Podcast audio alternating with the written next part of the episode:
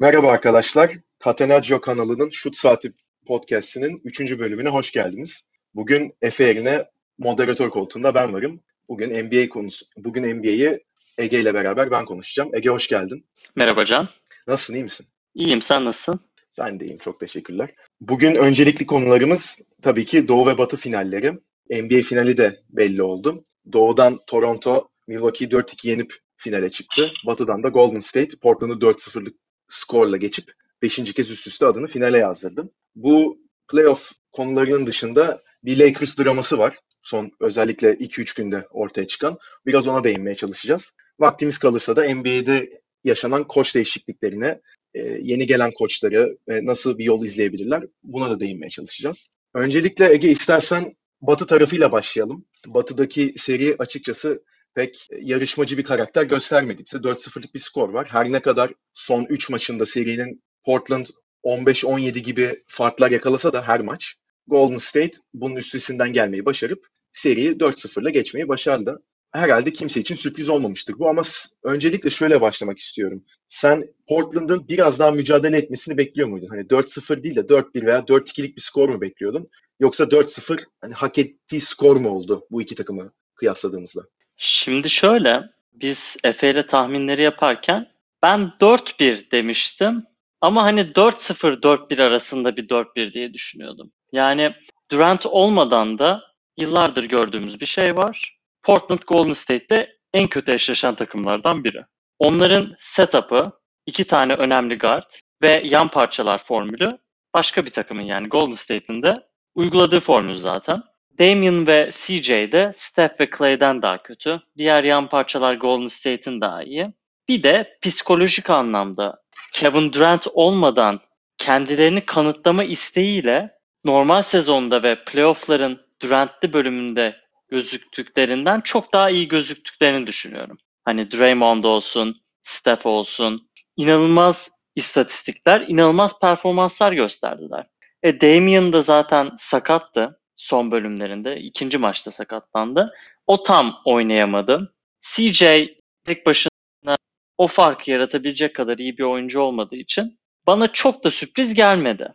Yani zaten istatistiklere de baktığımız zaman hani sen burada e, Draymond ve Curry üstünden daha çok dikkat çektin. Zaten hani Curry'nin 4 maçta 36,5 sayı ortalamayla oynadığını görüyoruz. Draymond'un da evet 16,5 sayı atmış olabilir ama oyuna olan katkısı özellikle 3. ve 4. maç ben Draymond'un uzun bir süredir bu kadar oyunun içinde olduğunu, oyuna bu kadar etki ettiğini görmemiştim ve hani şöyle bir durum da var. Şimdi oyuna etki etmek dediğimiz o atıyorum mesela 40 dakika oynuyor 48 dakikanın. Belli bir kısmında bir etkinlik gösteriyor. Ondan sonra arada dinleniyor. Daha bir dışarıda bekliyor şeklinde değildi.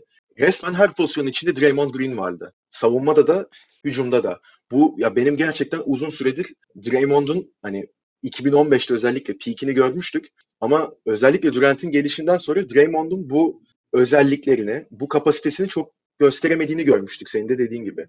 Burada sence Durant'siz daha mı iyi gözüküyorlar yoksa karşısında Golden State'in Portland'ın olması mı onları daha iyi gösterdi? Yani evet çok akıcı, çok iyi bir oyun oynadılar ama 3 maçta da 17 sayı geriye düştüler. Yani bunu da unutmamamız lazım. Evet geri düştükten sonra bir geri dönüş yapıp maçları kazanmayı bildiler ama maç içinde de belli yerlerde istedikleri şeyleri yapamadıklarını gördük. Yani Durant'in olmaması evet oyun akıcılığı açısından iyi ama yani o kadar mı iyi sence?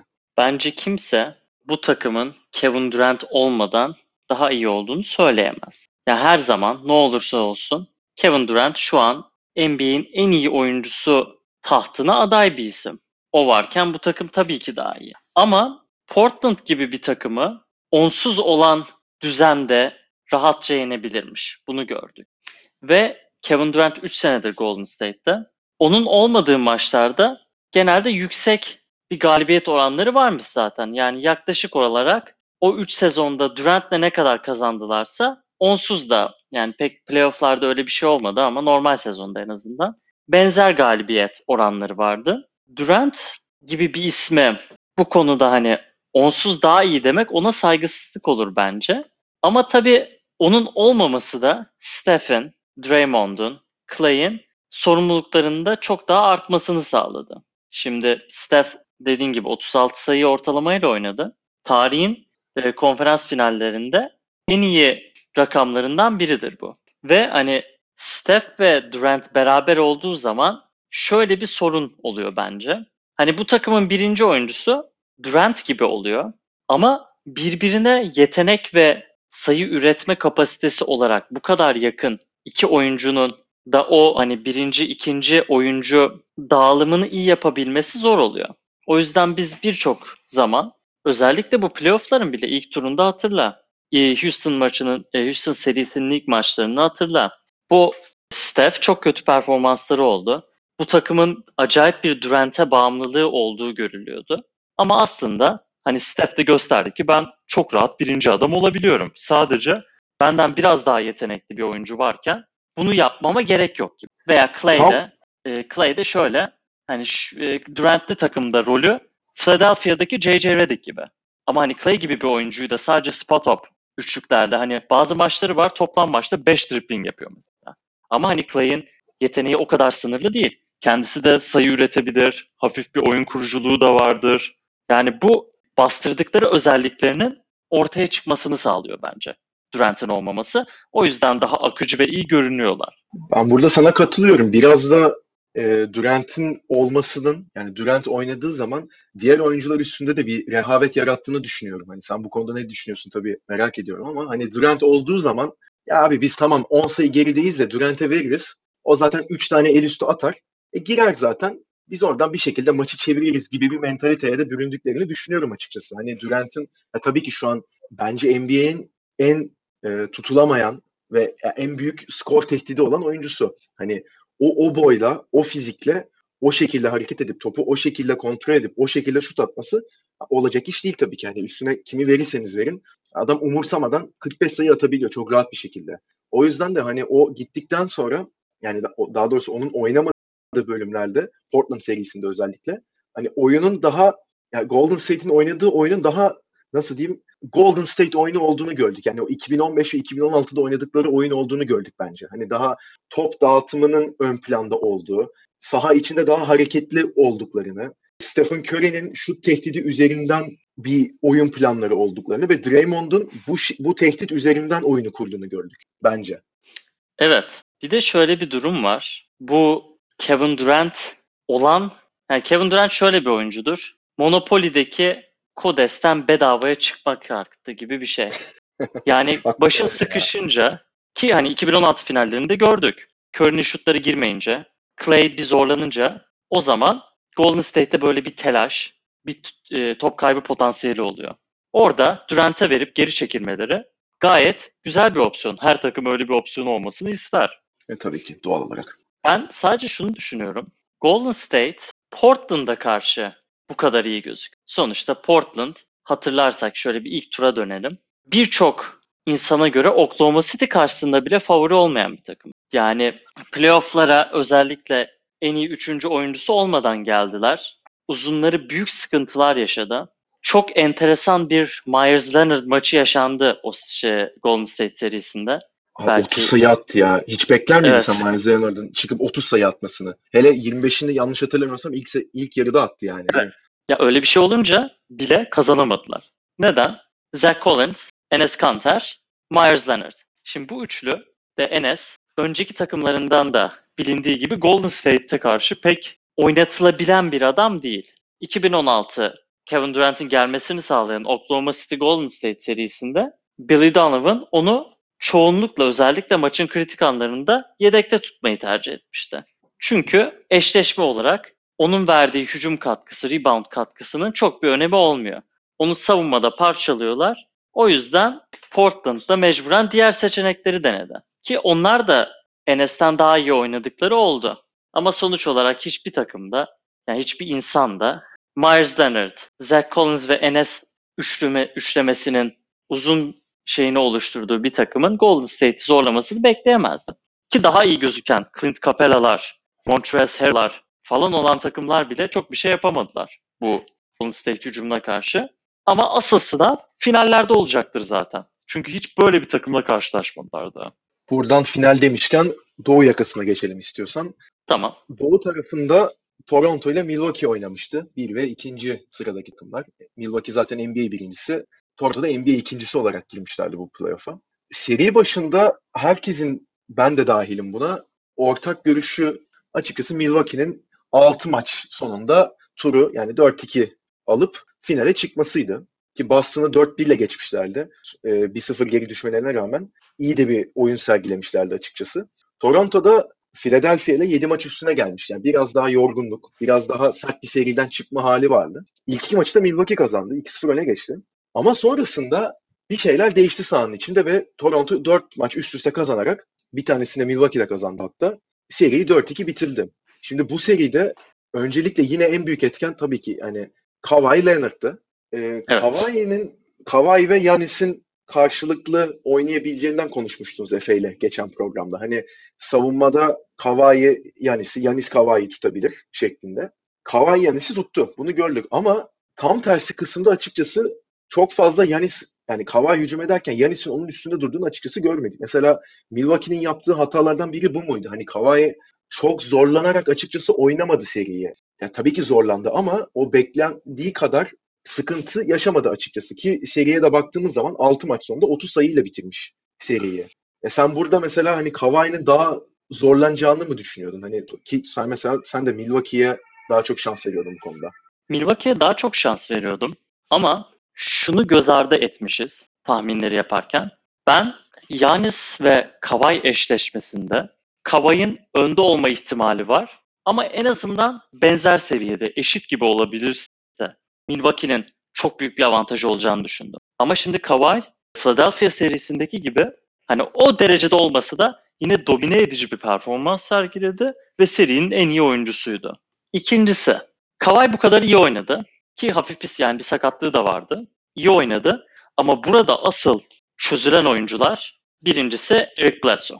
Eric Bledsoe ki Milwaukee'nin playofflar başlamadan iki hafta önce falan 4 sene 70 milyon dolarlık bir sözleşme yenilediği bir isim bu. Eric Bledsoe serinin sonlarına doğru oynatılamayacak kadar kötü gözüküyordu.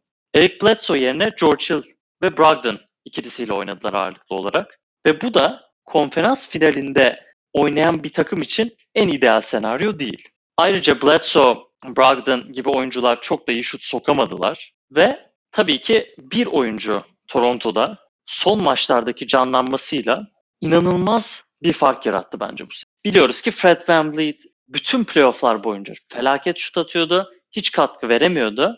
Ama 3 maç baba olduktan sonra inanılmaz bir canlanma geçirdi. Neydi Abi yani-? İstatistiklerini söyleyeceğim. Hani Philadelphia serisi ve ilk 2-3 maçına bakıldığında Milwaukee serisinin 25'te 3 ile üçlük atıyordu. Yani olacak iş değil gerçekten. Çocuk doğduktan sonrası 17'de 14 ile bitirdi seri abi. Yani son 3 maç 17'de 14 ile üçlük attı.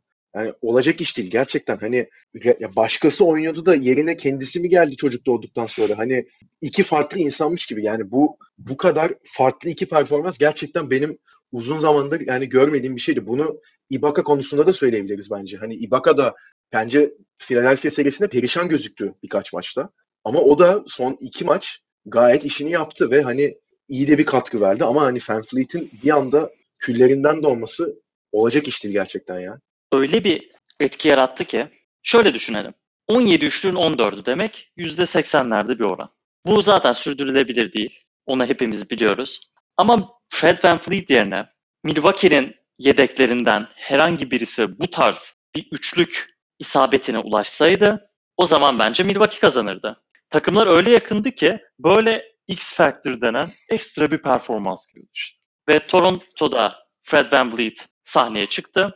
Milwaukee'nin de o derin denilen, bütün sene boyunca övgü alan yedekleri, koçu hepsi bu sınavda başarısız oldular. Mirotic'i almışlardı sene ortasında. Birçok insan Bucks'ın Mirotic'i almasını e, Toronto'nun markası almasından daha önemli ve mantıklı bir hamle olarak görüyorlardı. İtiraf Çünkü edeyim hani- ben de öyle görmüştüm.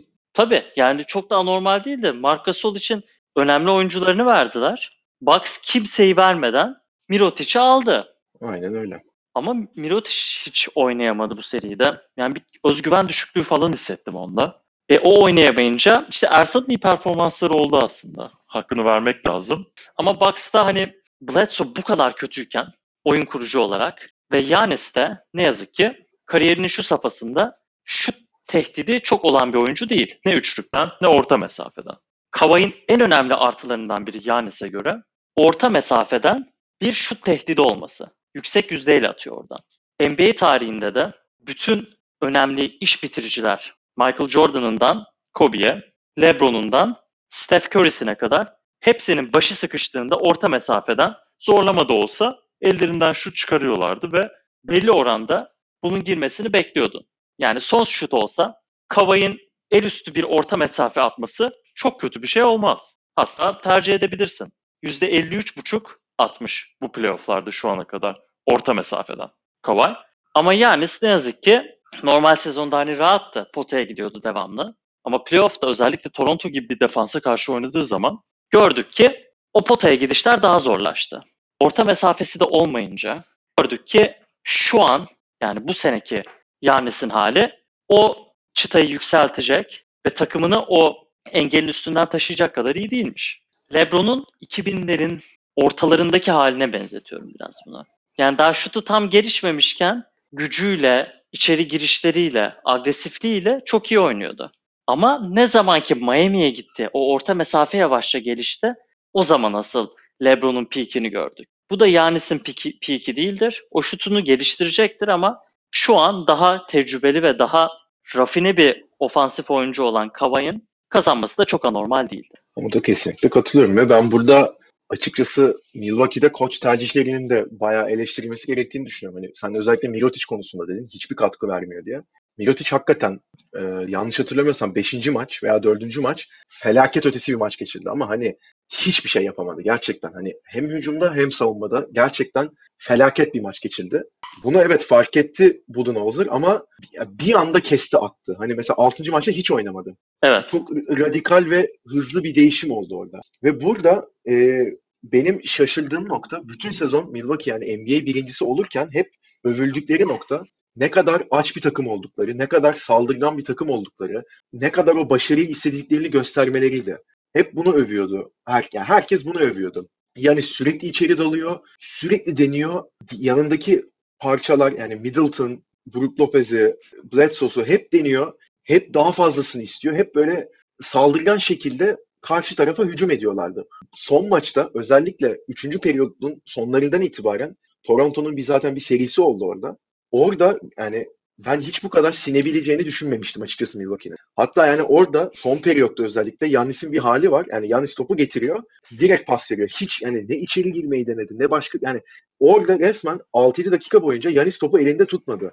Ve öyle bir duruma geldi ki Milwaukee hücumu. Brook Lopez birebir oynadı birkaç pozisyonda. Basketi buldu evet ama Brook Lopez'in birebirine kaldılar. Yani bu gerçekten kabul edilebilecek bir durum değil bence Milwaukee açısından. Ve orada tabii ki Budenholzer'ın e, tercihleri eleştiriliyor evet ama bence çok fazla eleştirilmesi gereken başka bir isim daha var. O, bunu konuş yani burada bahsetmedin sen ama Middleton'ın da çok eleştirilmesi gerektiğini düşünüyorum ben. Middleton'ın bu takımda hani Yanis sonuçta belli yani bunu Boston serisinde de gördük. En çok Yanis'e karşı takım bir önlem alıyor. Yani Boston'da Al Horford'u salmışlardı üstüne. Yanında ama iki kişi gelip böyle çember gibi bir şekilde durup onun içeri girmesini hı hı. engellemeye çalışmışlardı. Burada da Kavai'ye durduğu zaman karşısında Yanis'in yine yanına bir veya iki kişi geliyordu veya posta aldığı zaman Yanis Kavai onun arkasındayken direkt ikili sıkıştırma geliyordu. Buralarda Middleton'ın bence biraz daha sorumluluk alıp o şutları denemesi, kaçırsa bile denemesi, bakın ben buradayım, ben bir opsiyonum, ben de ön plandayım diye en azından bir tehdit yaratması gerekiyordu diye düşünüyorum ben. Dediğine katılıyorum ama şöyle bir durum da var. İnsanların Chris Middleton hakkındaki görüşleri değişebiliyor. Milwaukee'nin en iyi ikinci oyuncusu gibi. Öyle denebilir. Ama mesela hani sana sorayım şunu. NBA'de ilk kaçtadır sence? Kafadan tahmin. Yani, yani ilk 30'da var mı sence? İlk 30'da yok. İlk 30'da bence de yok. İlk, ilk 50'ye yani bu sene evet All-Star oldu ama hani Doğu tarafında oynaması bence All-Star olmasında büyük etkendi. Yani onun Tabii. haricinde ilk 50'ye yani 50-40 arasına yazabiliriz herhalde. Şimdi Middleton Bucks'taki pas trafiği yapabilen nadir adamlardan biri. Burada neyi kastediyorum? Şimdi Brook Lopez'e topu verirsen o şut atar. Mirotic'e verirsen o şutu atar.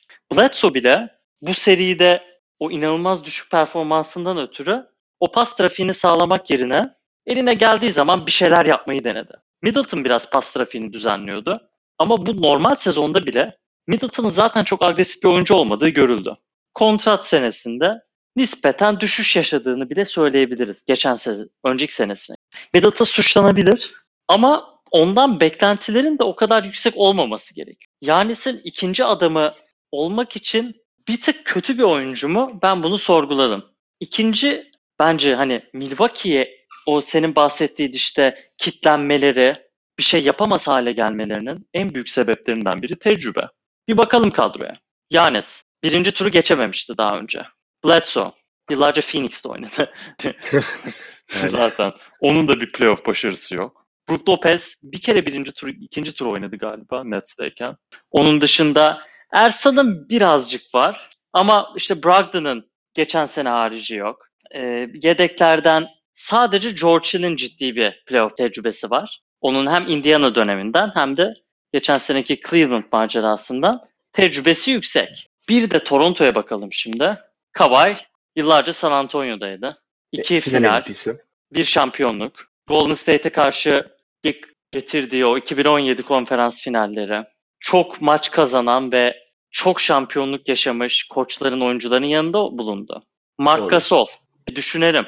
5 sene, 6 sene boyunca Memphis Batı'nın iyi takımlarındandı. Hep playofflarda mücadele ettiler. Bir konferans finalleri oldu. San Antonio 2015'te ile. sanırsam. Ee, Golden State diye hatırlıyorum ama Konferans 2015'teki. finalleri vardı evet. e, Marc Gasol yani onun da çok playoff maçı vardır. Ibaka finale çıktı. Son yıllarda Toronto'nun geleneksel LeBron tarafından 4-0 yenilme seremonisinde o da katılıyordu. E, Lowry aynı şekilde. Danny Green NBA final tarihinin en iyi şut performanslarından birini göstermişti. Hatırlarsın 2013 Doğru. Veya 14 14 finali olabilir hatta. Şöyle bir laf vardı. Danny Green de finalde MVP'si olacak diye. O, o noktaya gelmiştik. Evet. Yani bu kadar tecrübeli bir takıma karşı Milwaukee'nin kötü bir performans sergilemesi ve ayağının bacağının dolanması anormal değil. Ama yine de Milwaukee hayal kırıklığına uğrattı birçok insana. 3 maç üst üste kaybetmemişken 4 maç üst üste kaybettiler. Ve normal sezonda olanların playofflarda çok da geçerli olmadığını gösterdiler. Şimdi benim sana sorum. Milwaukee seneye ne yapmalı? Şimdi free Yani agentları var bir sürü. Onu biliyorsundur zaten. Ee, yanlış bilmiyorsam bir kere zaten Middleton free agent'a çıkıyor bu sene. Şimdi listesine sayalım onun. Ee, çok ilginç ama neredeyse takımın en önemli oyuncularının hani Yanis ve e, kontrat yenileyen Bledsoe dışında çoğu free agent olacak. George Hill'in oyuncu opsiyonu var. Pardon takım opsiyonu var. 18 milyon kazanacak. Onunla yollarını ayıracaklardır. Bledsoe'nun kontratı yenilendi. Middleton'ın oyuncu opsiyonu var. Reddedecektir 13 milyon dolara. Mirotic'in sözleşmesi bitti. Ersan'ın 2 sene daha sözleşmesi var. Brook Lopez geçen sene 3.4 milyon dolara bir senelik imzalamıştı. Bu seneki performansıyla çok büyük bir maaş artışı yaşayacaktır. Kesinlikle. Brogdon'ın sözleşmesi bitti.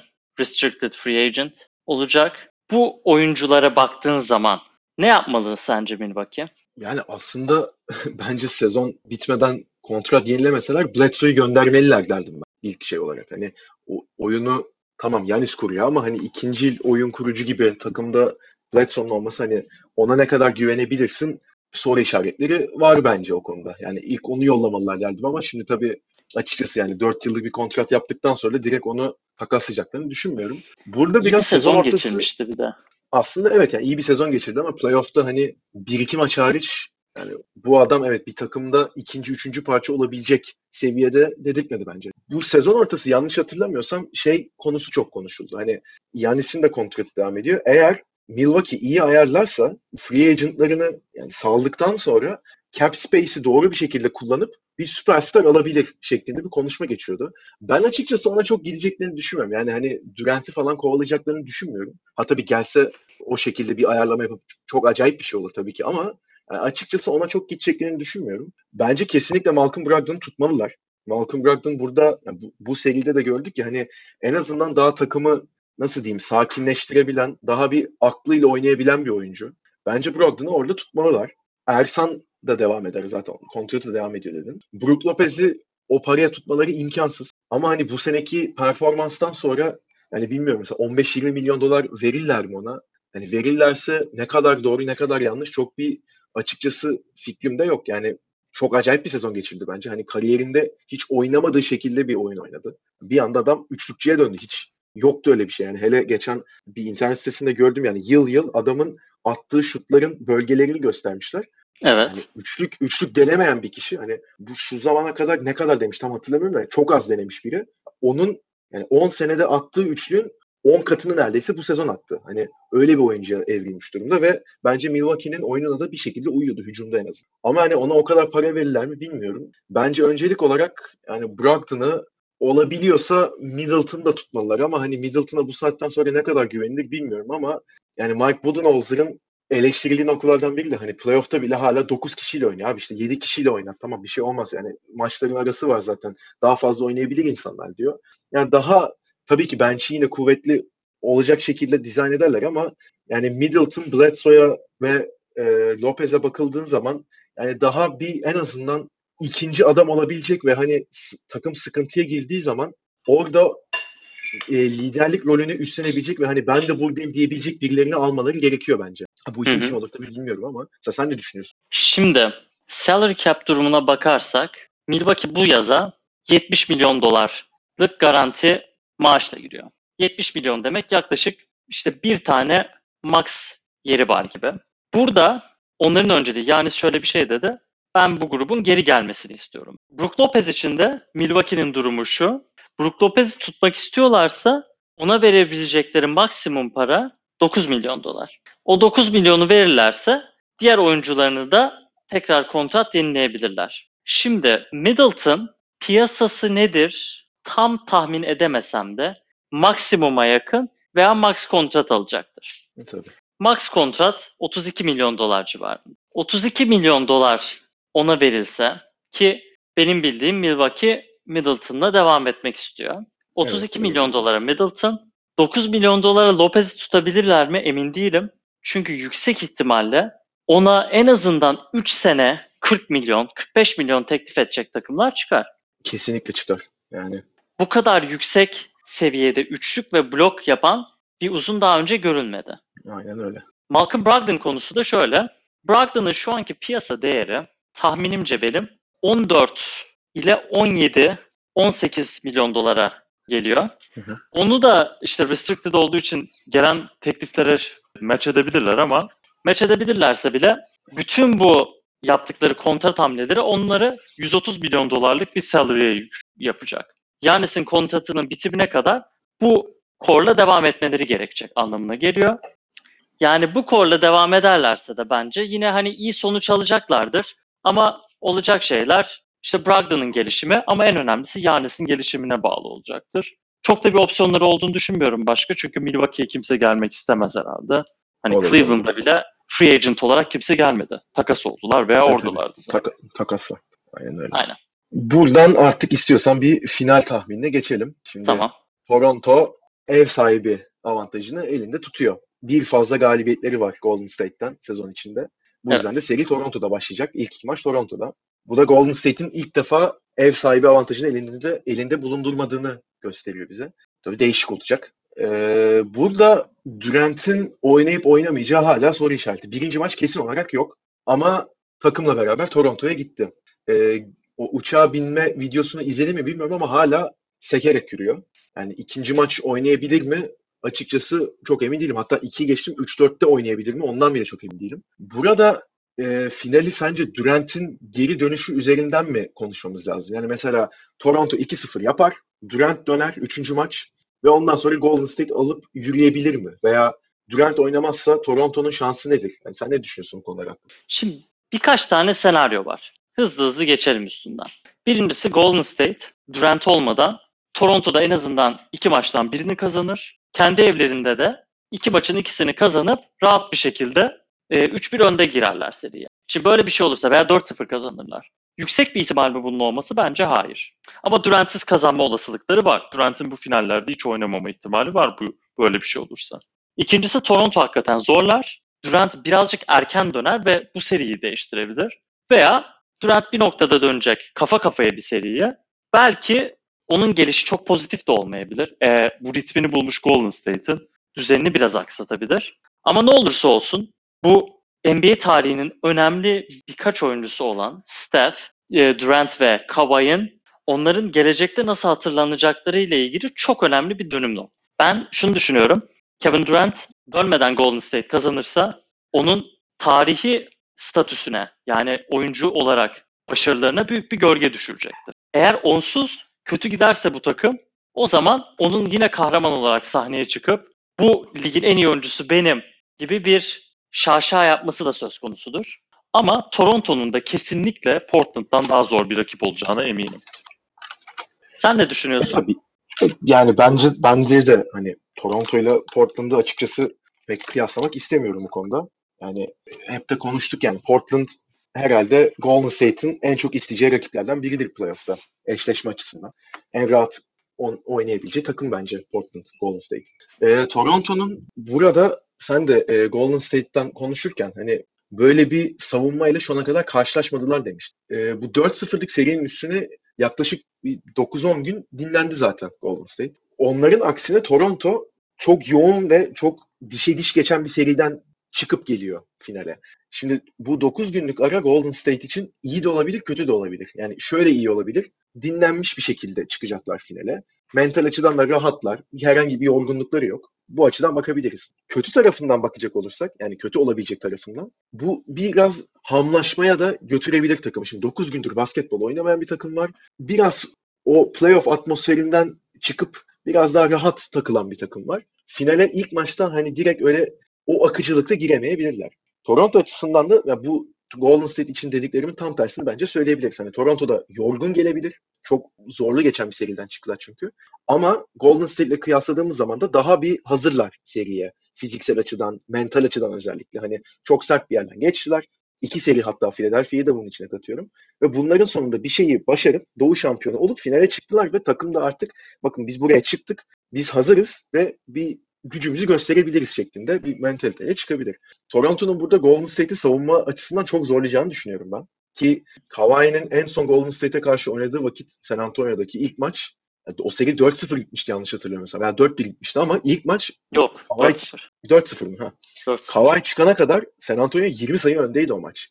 Kawhi sakatlandı. Maç döndü. Seri döndü. Belki orada biz yani Kawhi sakatlanmasa ve San Antonio 1-0 öne geçseydi çok farklı bir yere gidebilirdi. Bunu yani tabii ki bilemeyiz ama Kawhi'nin burada Golden State'e çok büyük sıkıntı çıkaracağını düşünüyorum ben. Şimdi defansta kim tutar bilmiyorum. Draymond'u salabilirler üstüne muhtemelen. Durdurması açısından. Hani iyi de eşleşirler ama Kawhi pek onları sallamıyor durumda açıkçası şu an. Hani inanılmaz bir formu var. Yani inanılmaz bir seviyede oynuyor. Çok büyük sıkıntı çıkaracak. Ben Durant'in geldiği senaryoda açıkçası Golden State'in kaybetme olasılığının olmadığını düşünüyorum. Yani 2-0'la bile gitseler yani Toronto'dan 2-0'la dönseler bile eğer 3. maç Durant gelirse o seri bir şekilde döner. Yani aynı akıcı oyunu oynamayabilirler. Evet ama hani bahsettiğimiz kişi de sonuçta Durant.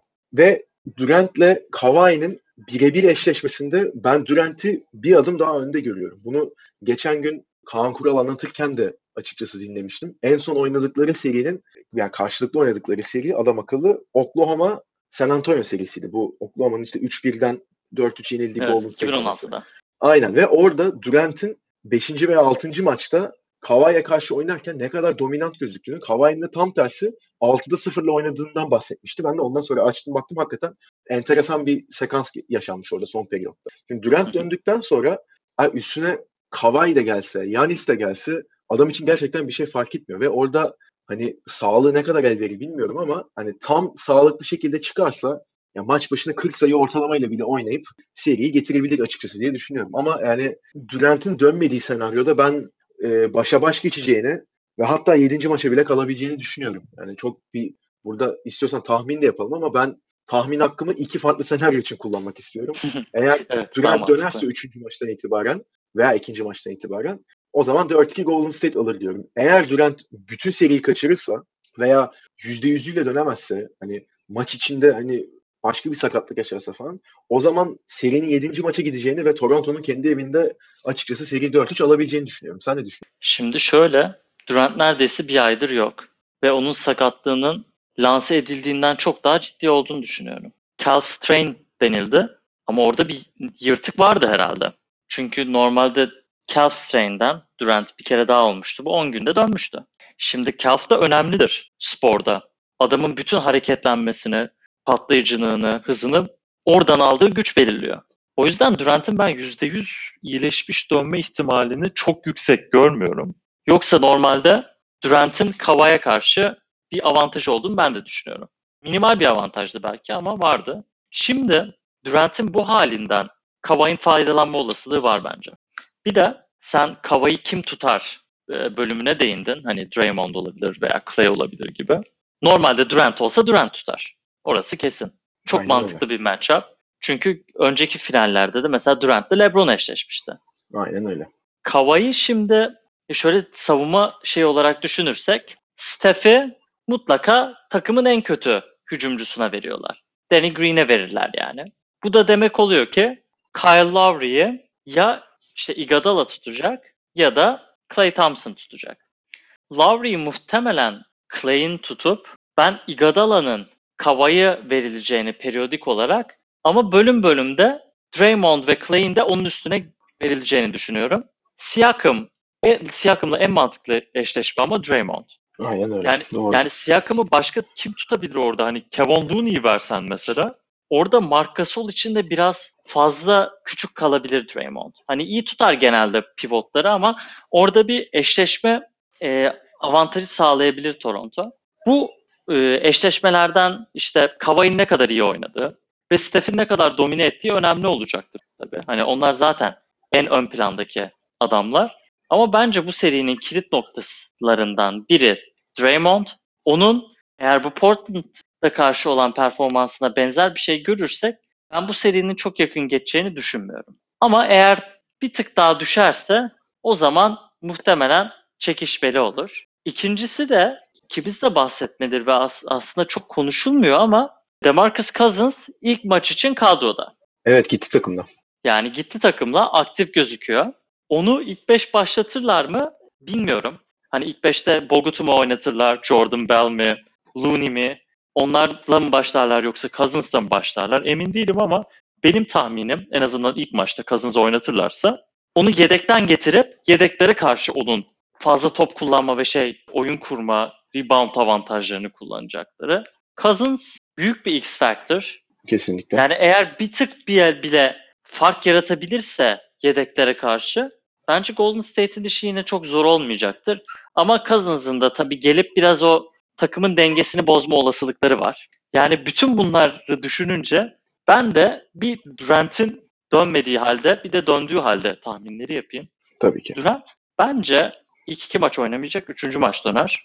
4-2 diyorum Golden State.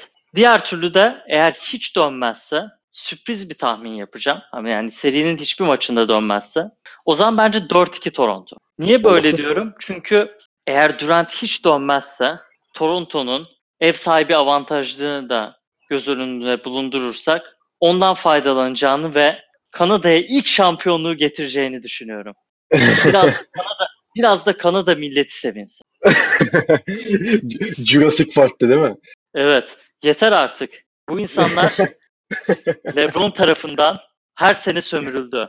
Ama LeBron yok artık. Artık LeBron yok. Abi LeBron demişken bu arada son olarak bir 5 dakika bu Lakers dramasına bir değinelim ya. Yani bu bu hafta yani aslında bu haftadan değil yani sezonun son maçı öncesinde Magic Johnson çok absürt bir şekilde istifa ettiğini açıklamıştı. Kimseye haber vermeden bir anda maç önü gazeteciler oradayken mikrofonların başına geçip "Ha, ben de böyle böyle bir karar aldım ben gidiyorum ben yokum artık falan deyip 45 dakika garip garip konuşup ondan sonra istifa etmişti. Hani hatta Ginny Bass'ın haberi olmadığı bile konuşuldu ki yokmuş zaten. Bundan sonra Magic Johnson ama hani pek durulmadı açıkçası. E, Belli bazı kanallara çıktı, röportajlar verdi. En son Stephen A. Smith'in programına katıldı ve orada hani Rob Pelinka beni sırtımdan bıçakladı ya gelecek şekilde. Hatta direkt olarak söyledi yani hani ben bir bun, o yaşanmış olayları düşünürsem eğer yani bana e, arkamdan iş çeviren kişi, benim arkamdan iş çeviren kişi Rob Pelinka'dır dedi açık açık. Bundan sonra da ESPN'de bir makale yayınlandı. Çok uzun bir makale ve bu iki senelik Pelinka ve Magic Johnson döneminde içerideki işlerin ne kadar garip olduğu, Linda Rambis gibi bir ismin olaylara karıştığını, karar mekanizmasının kim olduğunun belli bile olmadığı abuk subuk bir yapı oldu ve hani hatta geçen sene LeBron geldikten sonra işte Rondo, Beasley, e, Javel McGee gibi abuk subuk isimler gelmişti. Hani evet. bütün basın hatta konuşmuştu. Ne yapıyor bunlar yani? Na- Nasıl bir durum bu şeklinde. Takım içinde çalışan kişilerin bile bu tepkiyi verdiğinin ortaya çıktığı bir makale yayınlandı. Hani bir 2-3 dakika buna bahseder misin? Yani özellikle kimdir bu Linda Rambis? Ne, nereden çıktı olaylara Şimdi- dahil oldu? Bence bu bu hikayenin birkaç katmanı var. Birincisi Magic Johnson ve Rob Pelinka. İkincisi LeBron ve onun ekibi işte Rich Paul yani Clutch Sports. Üçüncüsü de işte bu Jeannie Buss, Rambis'ler, Phil Jackson gibi isimlerin olduğu katman. Hal, hala Phil Jackson ya yani. Şimdi bir şey sahneyi ortaya koyalım. Linda Rambis eski Lakers oyuncusu Kurt Rambis'in yani Magic Johnson zamanında yedekten gelen bir uzun forvetti. Onun karısı o dönemde de Lakers'da çalışıyormuş. Orada tanışmışlar Kurt Rambis'le. Ve Jeannie Buss'ın yıllardır en iyi arkadaşıymış. Sırdaşı. Şimdi bu e, 2013 yılında Dr. Jerry Buss yani Jeannie Buss'ın babası ve Lakers'ın asıl sahibi baba yani. O vefat etti. Sonra 2-3 sene işte Jim Buss denen büyük oğul yönetmeye çalıştı. Bir noktada onlar Jeannie Buss kapı dışına attı ve bu tayfa geldi. Şimdi Lakers'ın organizasyonunda şöyle bir olay varmış. Takımla zamanında çalışmış veya takımın tarihinde önemli rol oynamış isimlere karşı bir vefa göstermedi. Jeannie Buss'ın da hayalindeki durum ne? Ben Magic Johnson'ı başkan yaparım. Kobe'nin eski menajeri Rob Pelinka'yı da GM yaparım. Bunlar beraber yürütürler ve Lakers'ı eski şampiyonluk günlerine taşırlar. Burada Rob Pelinka, Magic Johnson ikilisinin baştan beri hiç uyumlu olmadığı belliymiş. Senin de bahsettiğin ESPN makalesine göre Magic Johnson part-time gibi çalışacağını Lakers için başka e, işleri olduğunu söylemiş ve Jeannie Buss bunu kabul etmiş. Rob Pelinka da alttan alttan işte Magic zaten buraya çok uğramıyor, çok umursamıyor falan deyince Magic de ona karşı cephe almış. Şimdi yöneten iki adam bu sonuçta Lakers'da. Onlar birbirine karşı böyle bir kin ve yani birbirlerini rakip olarak gördükleri düşünülürse zaten çok fonksiyonel işlemeyeceği bellidir. İkincisi, Luke Walton durumu. Of. Biliyorsundur, Luke Walton e, Magic Johnson ve Rob Pelinka gelmeden önce alınmış bir koç. Aynen Normalde mesela Türk futbolunda ne yapılır? Yeni başkan gelince eski teknik direktör genelde gönderilir. O yapı E, tabii. yenilenir. Evet. E şimdi Magic ve Pelinka aslında başta Luke Walton'ın yanındaymış. Ve ilk sezonda çok bir şey demiyorlar. Hani o sonuçta LeBron'un gelişinden önceki yılda zaten çok bir beklenti yoktu ve fena iş çıkarmamıştı bence. Sonları da 35 galibiyet almıştı galiba ya. 33 mü? Öyle fena Ee, bir şey değildi aslında. bu seneden bir az olması lazım. Evet. Yani aynen. 36 galiba. Evet. Aynen. Bu sene ama şimdi LeBron'un da gelişiyle Magic de artık şeye geldi. Hani ben bu adamı da getirdim Lakers'a. Bu koç seçiminde de benim de bir payım olmalı. O da Luke Walton'ın bir hayranı değilmiş. O başka birini getirmek istiyormuş Lakers'ın başına. Ama Jeannie Buss'ın ne kadar medyada hani son söz hep Magic'in, son söz Magic'te Pelinka'nın demesine rağmen aslında son söz hep Jeannie Buss'taymış. Magic de kovmaya çalışmış Luke Walton'u. işte azarladı, medyaya yansıdı zaten. E, tabii. Ve o da olmayınca, ayrıca Pelinka ile de ilişkisi kötüye gidince, pazar günleri sinemaya da gidemeyince adam, canını tak etmiş bir olay ve işte istifa etti. Sonra da Lakers'ı bu kadar sevdiğini söyleyen bir adam, yeni koç Frank Vogel'ın tanıtımından e, olduğu sırada gidip onu onu işe alan Rob Pelinka ve Lakers organizasyonuna büyük suçlamalarda bulundu. Yani orada da işte sonra da dedi ben eğer bir free agent gelecek olursa onları Lakers için getirmeye çalışırım diye. Ama yani bu durumda şimdi hangi adam Magic Johnson'ın şeyine inanır ki? LeBron'un gelme sebebine bile Magic Johnson olarak bakmamamız gerekiyormuş. LeBron kendi istediği için geldi. Ha Magic Ha, bu- Johnson olmuş ha Dursun Özbek yani fark etmezdi. Abi bu arada lafını bölüp bir şey diyeceğim. Bu arada hani Lakers'ın da düştüğü durum açısından sen dedin ya hani hangi free agent bu saatten niye sonra niye gelsin diye.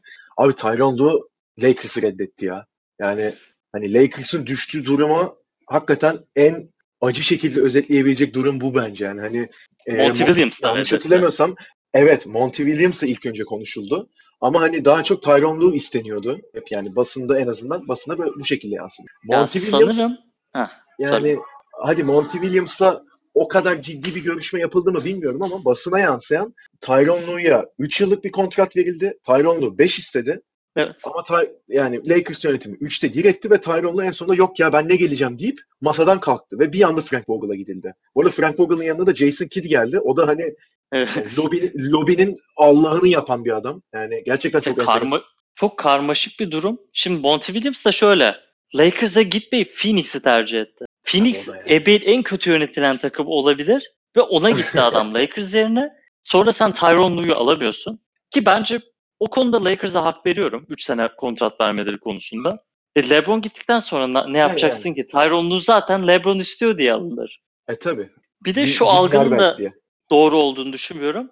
Hani Frank Vogel bu ikisinden daha kötü bir koç olarak da bence görülmemeli. Frank Vogel'ın. Indiana A- asla bence ikisinden de kötü bir koç değil. Bence ikisinden de çok daha iyi bir koç. İn- sen de bunu Ya- diyordun. Hani Indiana Evet. konusunda özellikle. Indiana dönemi iyiydi gayet. LeBron da bilir yani. Hep onlardan geçmek. Onların yolunda hep Indiana vardı. Tam Orlando dönemi kötüydü de Orlando'da da guard yok. Yani şimdi Monty Williams'ın bir tane New Orleans'ta tecrübesi vardı. O da iyi değildi pek.